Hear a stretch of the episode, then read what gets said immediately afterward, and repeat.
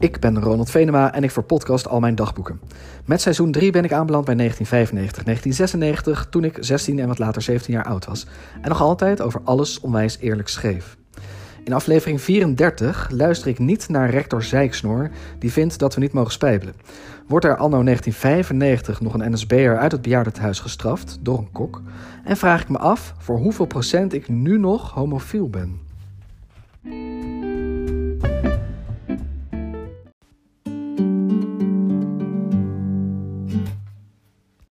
29 november 1995, woensdag, 15 uur 55. We zijn wereldkampioen. En met we bedoel ik Ajax. Ik ben dit jaar heel erg voor Ajax, omdat ze echt alles winnen. Omdat we alles winnen. In mei al de Champions League en gisteren wonnen we zelfs de Wereldcup door van Gremio te winnen. We zijn de allerbeste. De wedstrijd begon gisterochtend al om 11 uur, want ze speelden in Tokio en daar is het later dan bij ons. De eerste twee uur ben ik nog wel naar school gegaan, maar aan het begin van het derde uur had ik in het fietsenhok bij de Brommers afgesproken met Ferry, Dion, Nathan, Klaas en Leo. De rector had al een paar keer door de intercom zitten zeiken dat iedereen op school moest blijven. En wie dat niet deed, kon niet één, maar twee uur nablijven om te pennen. Woe, woe, woe. Heftig hoor, rector Zeiksnor. Wat denkt die gast? De belangrijkste voetbalwedstrijd van de eeuw is echt wel twee uur pennen waard. Ik was met mijn brommer en gaf Dion een sleepie naar Nathans huis, waar we met z'n zessen gingen kijken. We kozen voor Nathans huis, omdat we zeker wisten dat daar niemand thuis zou zijn, dus hadden we het huis voor onszelf. Bij Nathan thuis vroeg ik of er iemand eigenlijk keihard Ajax-fan was. Niemand bleek echt fan te zijn. Sterker nog, alleen Ferry en ik keken wel eens voetbal, de andere vier bijna nooit. Klaas moesten we zelfs uitleggen wat buitenspel was. Volgens mij begreep hij er geen hol van. Toen de wedstrijd net begonnen was, zette Nathan zes glazen cola voor ons neer. We proosten en namen een slokje. Het smaakte vreemd. Dat vond Dion ook en hij zei: Nathan, zit er iets in de cola? Nathan lachte en zei dat hij er bij iedereen wat vieux in had gedaan. Hij zei dat we nu een beetje in Tokio waren en daar was het nu avond, dus konden we wel een colaatje vieux drinken. Nathan zei ook dat we toch niet meer terug naar school gingen. Ik was eigenlijk nog wel van plan om naar het zesde en zevende uur te gaan. Maar Ajax kon maar niet scoren en het werd een verlenging, dus alles ging wel erg lang duren nu. Nathan vond het een saaie kutbende en stak midden in de huiskamer een joint op. Hij gaf hem door en zei dat iedereen maximaal twee hijsjes mocht. Klaas vroeg of we niet ook nog een biertje erbij konden nemen. Nathan zei: Goed idee, zes bier. Ik keek op de klok. Het was vijf over één. Op school was het grote pauze. Om half twee begint het zesde uur. Nou, dat ging niet meer lukken, dus dronk ik bier en blode een beetje. Er kwam maar geen eind aan die potvoetbal. Dan mag Ajax wel de beste van de planeet zijn. Het was echt oerzaai. Gelukkig hadden wij het wel heel gezellig, helemaal toen het strafschoppen werd. Eerst schoot een gast van Gremio tegen Van der Sar. Wij keihard lachen. Klaas zong, hij is een hondenlul. Ik legde hem uit dat je dat alleen tegen een scheidsrechter zingt, niet tegen een voetballer. Daarna schoot Kluivert mis. Klaas lachte weer keihard. Ferry zei dat wij in principe wel voor Ajax zijn en dat dit dus niet per se heel grappig was. Dat vond ik ook wel. Daarna schoot de volgende gast van Cremio zijn penalty op de lat. Nu lachten we wel weer allemaal en we schilden loser en zo. En Klaas riep buitenspel. Dat sloeg echt nergens op, maar goed. Nathan had al een tweede biertje gepakt en ging naast de tv staan en begon te schelden hoe moeilijk het godverdomme kan zijn om die bal in dat enorme goal te schieten. Uiteindelijk gingen er toch een paar in.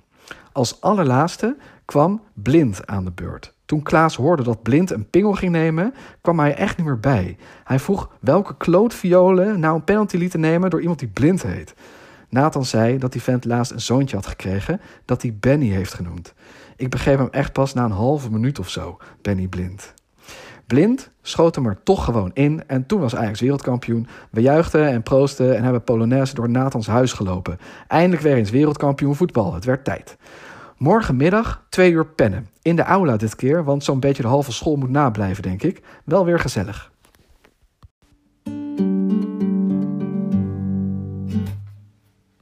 3 december 1995, zondag, 15 uur 57. Ik werk dus bij een bejaardentehuis. Dat doe ik niet omdat ik zo onwijs gek ben op bejaarden. Bejaarden zijn natuurlijk ook gewoon mensen. En net als bij mensen zijn sommigen wel en sommigen niet aardig. De meneer die in ons bejaardentehuis op nummer 19 woont, is onaardig. Dat weten we allemaal. Volgens de koks uit de keuken was hij vroeger NSB'er. Ik weet niet of dat echt waar is, maar het zou me niks verbazen. Trouwens, als het wel echt waar is, dan zit dat bejaardentehuis vol nazi's. Want die mevrouw van nummer 23 vond in de Tweede Wereldoorlog Duitsers knap. Die NSB'er van nummer 19 zeg ik toch altijd gedag als ik zijn eten kom brengen. Ook al zegt hij nooit wat terug. Op zondag krijgen onze bejaarden altijd smiddags al warm eten. Dat vinden oude mensen fijn. Vanmiddag zet ik het dienblad met zijn eten op zijn tafel, zei zo vriendelijk mogelijk eet smakelijk en liep snel weer weg. Maar voordat ik zijn kamer uit was, had hij al het deksel van zijn bord gehaald en riep hij: Wat is dit nou weer? God voor de godver. Ik schrok daarvan. Ik ben niet tegen vloeken, helemaal niet. Maar mensen van boven de 60, die hoor je echt nooit schelden. Dat past ook helemaal niet bij ze. Ik liep terug en vroeg of er wat mis was. Die vent wees op zijn bord. Ik zag aardappels liggen en bloemkool en een carbonaatje. Er lag geen dode muis op of zo, dus wat zat hij nou? Hij pakte het strookje papier dat bij zijn bord lag en waarop hij had aangekruist welke maaltijd hij wilde. En hij zei: Lees nou eens goed, min kukel. Dat zei hij echt, min kukel. Dat vond ik dan wel weer mooi. Ik zei dat er op zijn bord precies lag wat hij had aangekruist. Ja, zei hij, maar wat heb ik onderaan op het papiertje geschreven? Toen zag ik het pas. Hij had daaronder best groot jus apart geschreven. Ja, hij schreef jus echt zo. Ik begrijp dat wel, want zo spreek je het ook uit. Maar die S hoort natuurlijk achteraan, niet vooraan. Bijna goed, ouwe. Ik legde uit dat we bij het opscheppen altijd automatisch wat jus over de aardappels doen. Hij was echt zo boos en riep dat ik zijn bord weer kon meenemen omdat we zijn aardappels hadden vergald. Want volgens hem goten we altijd hele sloten jus over de aardappels. Hij was helemaal rood en zei: Jullie verdrinken de aardappels in die jus van jullie. Zo is de hele handel niet meer te nassen. Neem mee en opgedonderd. Ik eet wel een boter met kaas. Godverdomme. Ik heb het dienblad met zijn eten weer meegenomen. Na mijn ronde liet ik de chef-kok van de keuken weten dat meneer van nummer 19 een klacht had over zijn eten. Hij vroeg wat de klacht was. Ik vertelde het hem. De chef lachte om de eis van het extra bakje voor de jus. Hij zei: Dat kan die NSB'er vergeten. Iedereen krijgt de jus gewoon over aardappels. Ik vond dat wel mooi. Geen extra bakje jus voor die vent. Zo zie je dat je uiteindelijk toch ook in 1995 nog gestraft kan worden omdat je fout in de oorlog was.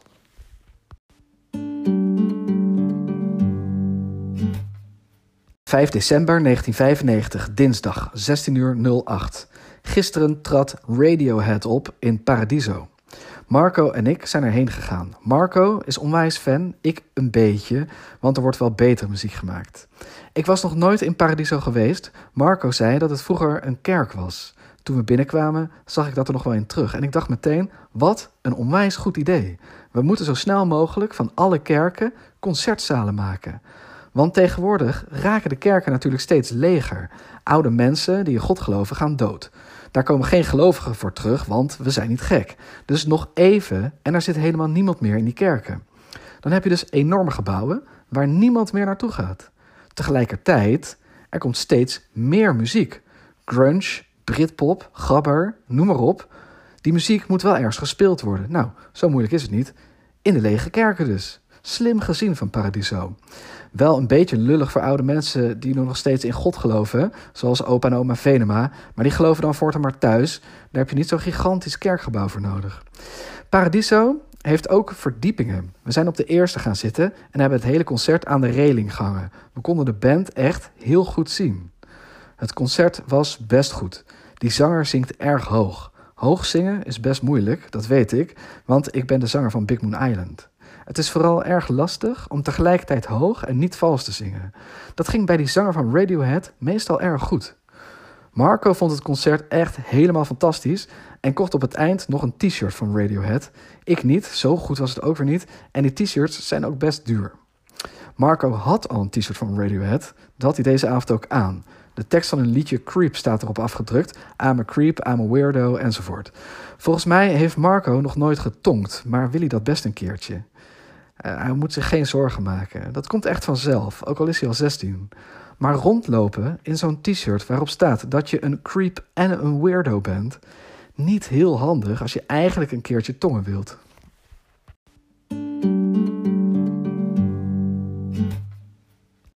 ...8 december 1995, vrijdag, 17 uur 10.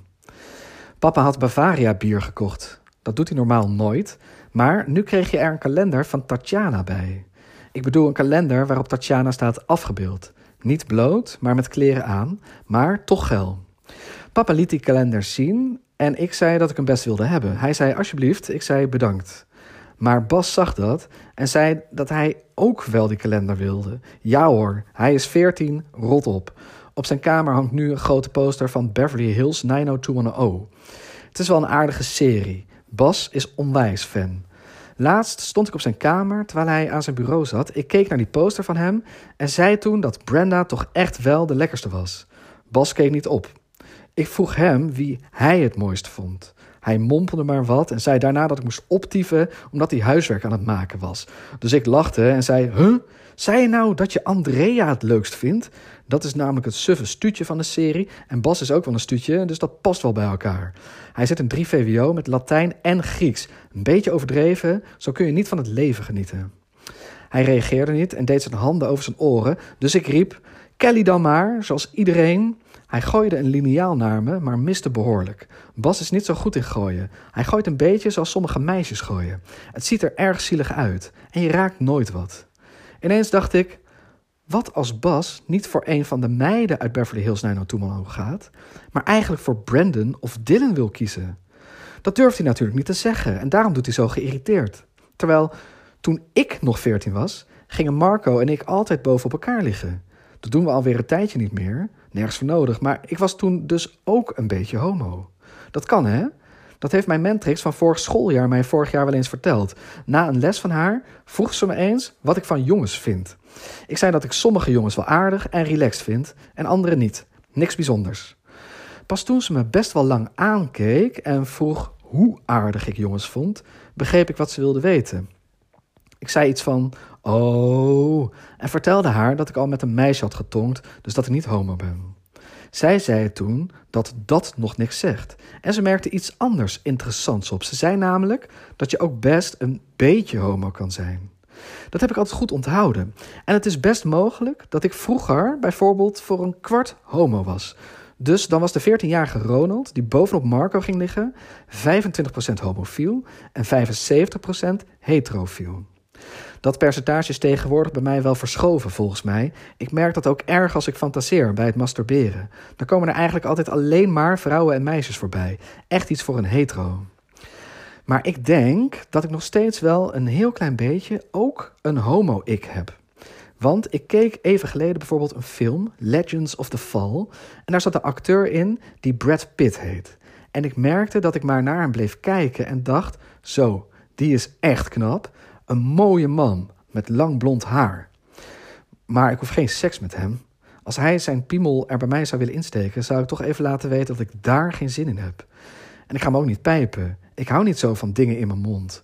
We aten gisteren andijvie. Mama had er zo'n braadworst bij gedaan. Beetje raar. Normaal is de braadworst voorbij de bloemkool. En eten we bij andijvie een gehaktbal. Nou ja, het zal wel. Ik keek zo naar die bruine braadworst en dacht... tot hoe ver kan die eigenlijk in mijn mond?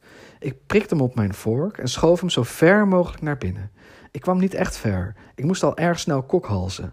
Mama zei dat ik moest ophouden met viesrikken. Ze vindt me sowieso een slechte eter. Wat trouwens wel zou kunnen, bedenk ik nu, dat Brad Pitt mij pijpt. Als zijn hoofd me dan niet aanstaat, ook al heeft hij mooie lange haren, dan doe ik gewoon mijn ogen dicht en denk ik aan Tatjana bijvoorbeeld, waardoor het net lijkt of zij mij pijpt. Ja, dat zou wel kunnen.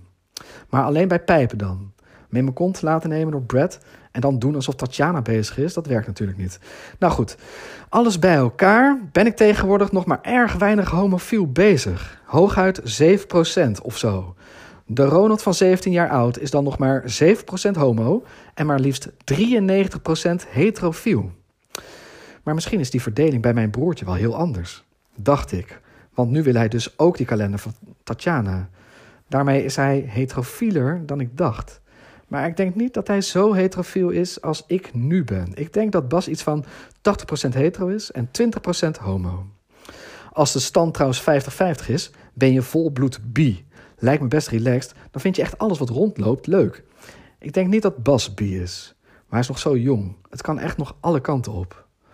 Pap gaat in elk geval nog wat Bavaria bier kopen en dan is die kalender voor Bas kan die Tatjana naast Beverly Hills hangen en dan moet hij zelf maar zien waar hij naar kijkt als hij masturbeert.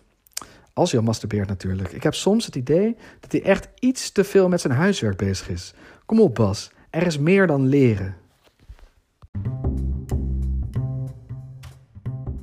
Dit was aflevering 34 van de podcast Alles Onwijs Eerlijk. Wil je me wat vertellen? Mail me dan op ronaldvenema78.gmail.com of zoek me op op Twitter at Ronald Venema.